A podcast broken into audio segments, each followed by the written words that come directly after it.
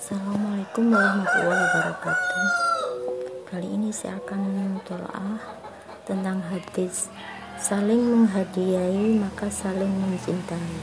An Abi Hurairah radhiyallahu anhu qala Qala Rasulullah sallallahu alaihi wasallam Tahadau tahabbu. Rawahu Bukhari fil adabil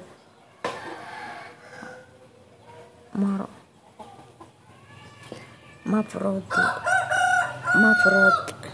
Arti hadis dari Abu Hurairah radhiyallahu anhu berkata bersabda Rasulullah shallallahu alaihi wasallam saling menghadiahilah kalian saya kalian akan saling mencintai Sahih hadis riwayat Al Bukhari dalam Adabul Mufrad nomor 594 Pengertian hadis Hidup saling mencintai adalah dambaan setiap orang.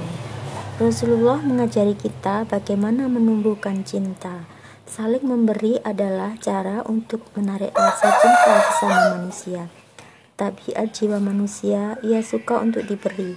Hargailah seberapapun besarnya pemberian itu. Begitu juga berterima kasihlah kepada orang yang memberi. Niscaya tumbuhlah cinta itu.